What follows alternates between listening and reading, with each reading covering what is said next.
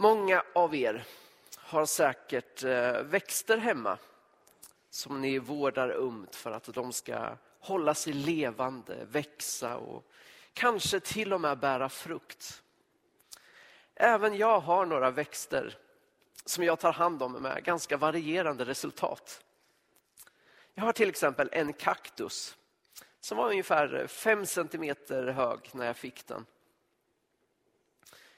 Men sen så växte den och växte och växte och till slut så fick jag plantera om den i en mycket större kruka. Och nu så tror jag inte att det dröjer länge innan den är uppe i en meter. Men jag har också växter som eh, jag skött på ungefär samma sätt i flera år och som verkat må bra. Men helt plötsligt så har de bara dött utan förvarning. Och jag har inte en aning om varför. Så det där med att sköta om växter, det är minsann inte alltid så enkelt. Men det handlar ju mycket om att lära sig vad, vad varje enskild växt har för behov. Att lära sig hur mycket vatten, hur mycket sol och näring som varje växt behöver för att flöda av liv. Och Det är något som du lär dig genom att observera hur den här växten reagerar på den behandling den får. Det är viktigt att kolla tillväxten då och då för att se att den mår bra och inte har drabbats av bladlöss eller något annat som försöker bryta ner den. Och bladlöss de kan ju vara svåra att upptäcka. Och Man kan undra varför är de så små egentligen? Men det är ju för att de har stannat i växten. Och trots att de är så små så tar de ändå mycket av växtens energi. Och nu är det ju inte så att jag ska stå här och försöka utbilda er till trädgårdsmästare. För det tror jag att andra klarar av mycket bättre. Men jag vill ändå fortsätta med det här växttemat. För jag tror att man kan jämföra församlingen med en växt. Så dagens tema är en levande och växande församling. En församling har ofta en kyrkbyggnad. Precis som växten ofta har en blomkruka. Församlingen har oftast en speciell organisation eller struktur som är till för att stödja församlingens arbete. Vilket kanske kan jämföras med en blompinne som ger växten stöd. Men det som är av allra störst betydelse är växten församlingens liv. Det är mycket som händer och förändras i Sveriges kristenhet idag. Nyligen så har tre samfund gått ihop och bildat ett helt nytt samfund som heter Ekumeniakyrkan och som är det samfund vi tillhör. När jag jobbade som ungdomsledare i Kisa då var det tre församlingar från Evangeliska Frikyrkan, från Pingst och Mission som gick ihop och bildade Kisa frikyrkoförsamling. När jag sedan jobbade i Norrköping, då var jag i Norrköpings baptistförsamling som eh, började samarbeta med metodistförsamlingen.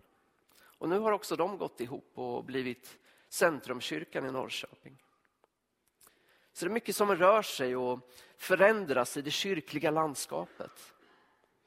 Och i kristen media och på de olika teologiska högskolorna. Där förs det många samtal om frikyrkans framtid. Det är ett samtal som ibland andas mycket frustration. Men ibland också hopp och framtidstro. Och Det ser jag som ett tecken på att det finns mycket längtan. Längtan efter något nytt. Längtan efter något mer än det vi har idag. Och jag tycker mig se allt mer hur det finns en längtan efter förnyelse i våra församlingar. Även om vi kan se mycket som är bra så är vi inte helt nöjda och tillfredsställda med hur läget är. Men vad är det då som behöver förnyas? Och där tycker jag att jag kunnat se vissa skillnader i de olika kristna sammanhang där jag har rört mig. En del verkar fokusera främst på kyrkobyggnaden, blomkrukan. Man tänker kanske att vi behöver en modernare kyrka med stora glasdörrar som, som gör det mer inbjudande att komma in i kyrkan och att det ska locka människor.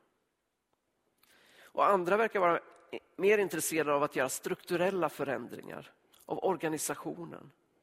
Att byta blompinne och att på det viset få en mer effektiv verksamhet.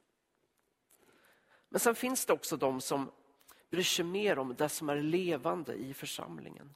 Själva växten, församlingens andliga liv. Och Nu vill jag också noga påpeka att inget av det här är egentligen oviktigt. Vi behöver ofta både blomkrukan, blompinnen och växten. Men jag tror det är viktigt att vara medveten om vad som är vad.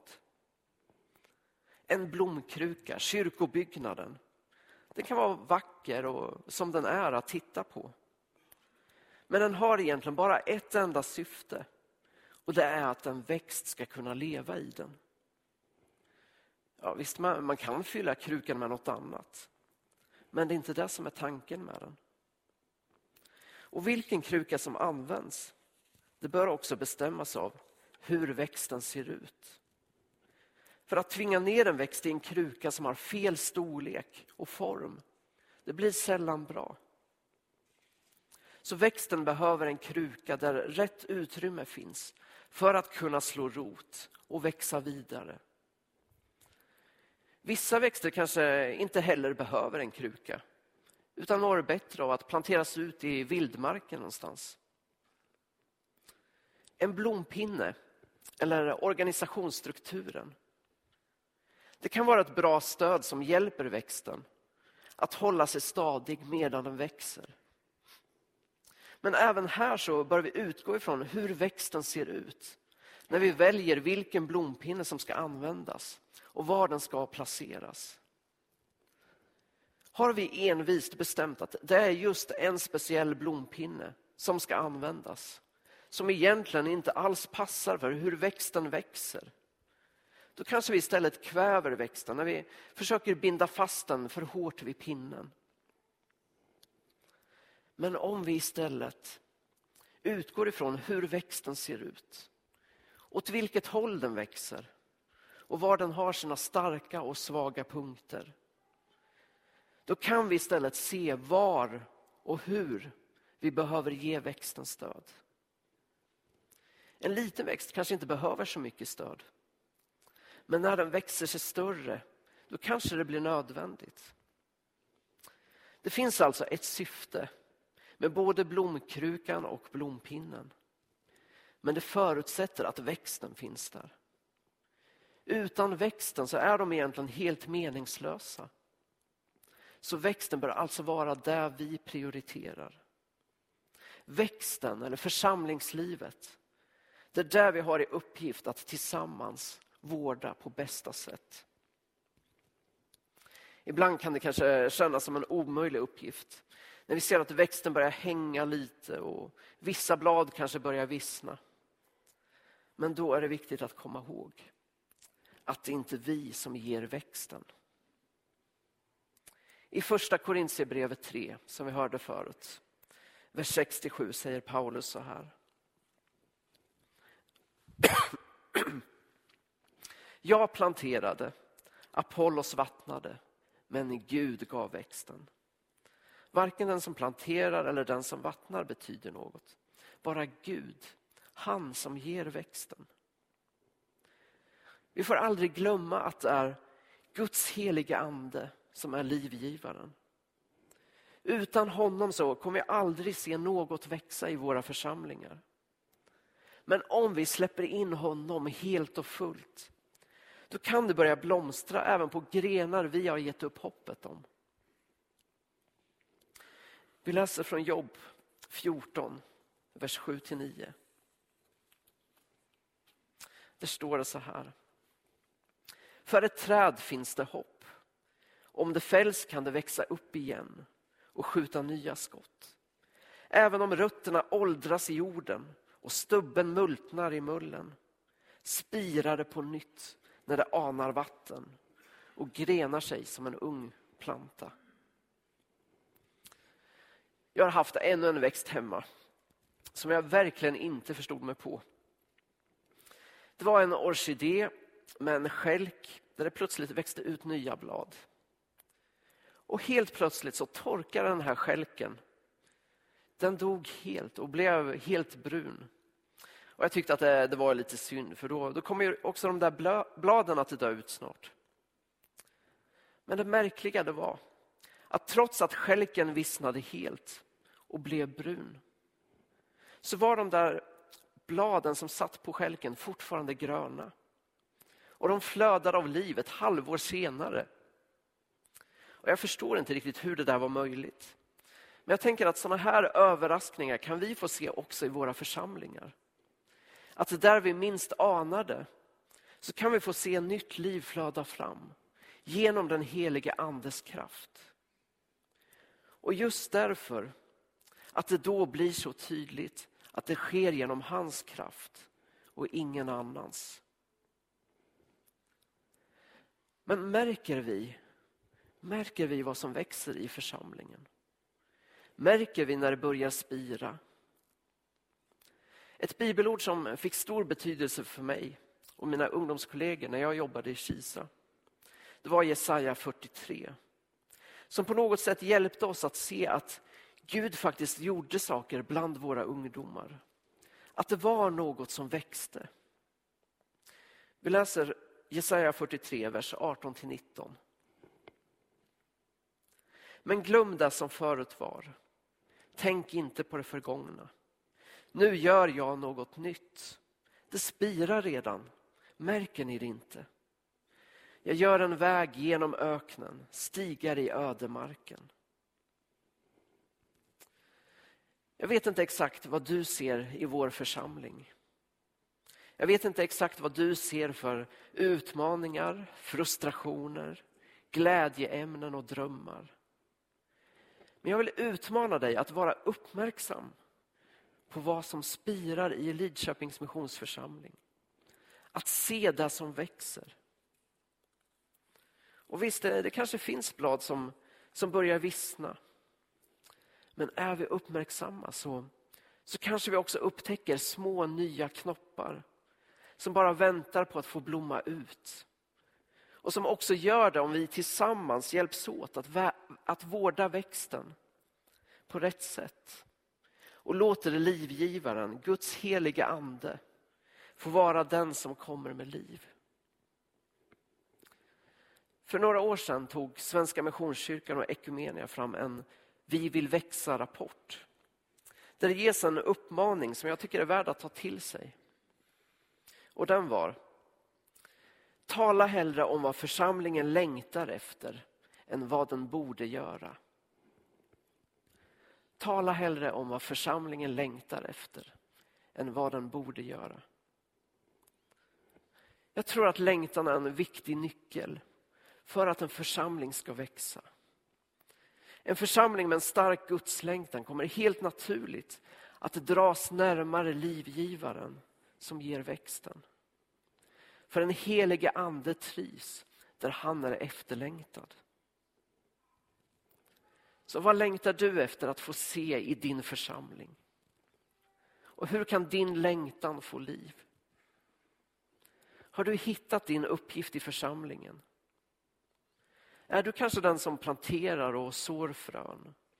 Är du den som vattnar? Är du den som rensar ogräs eller kanske den som skyddar mot bladlöss? Är du den som ger jorden näring eller är du den som släpper in ljuset? Eller är du kanske den som först plöjer upp jorden innan det ens går att så? Vi är alla viktiga för att vårda det som lever och växer i Guds församling.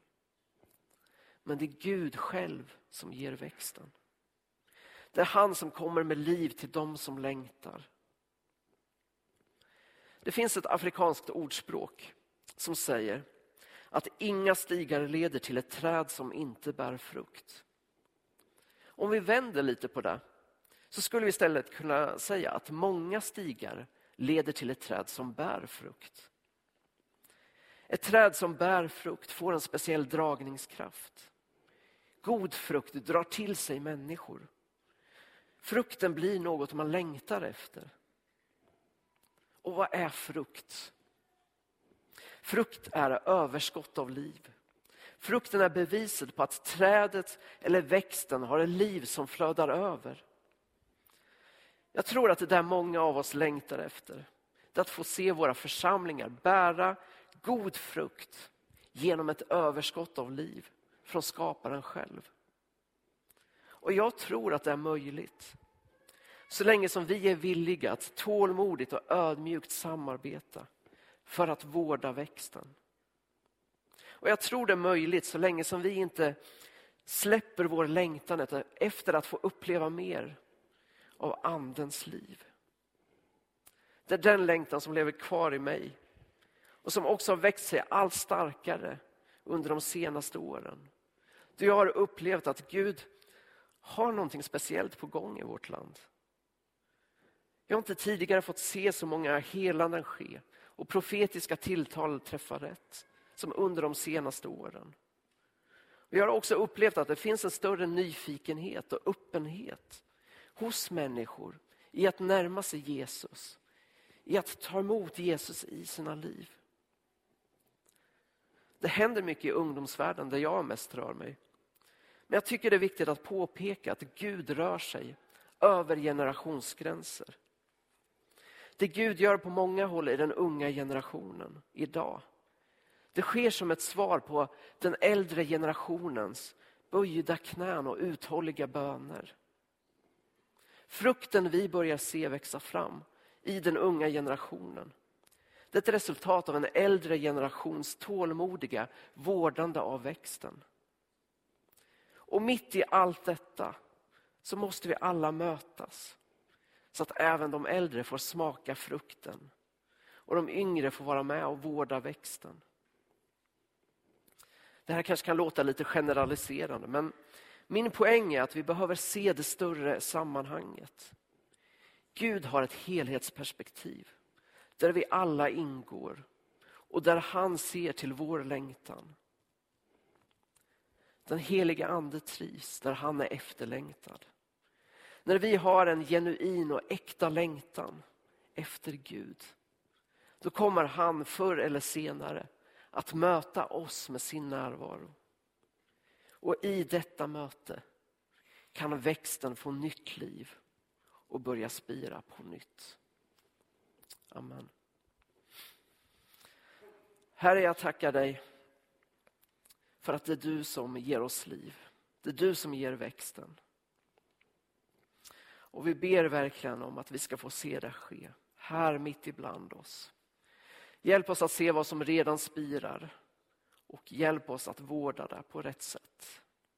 Visa för oss Herre på vilket sätt vi ska vattna, hur vi ska ge ljus, hur vi ska ge näring till det som växer. Jesus, låt oss få komma in i det som du vill göra. Fyll oss med ditt liv. I ditt namn Jesus. Amen.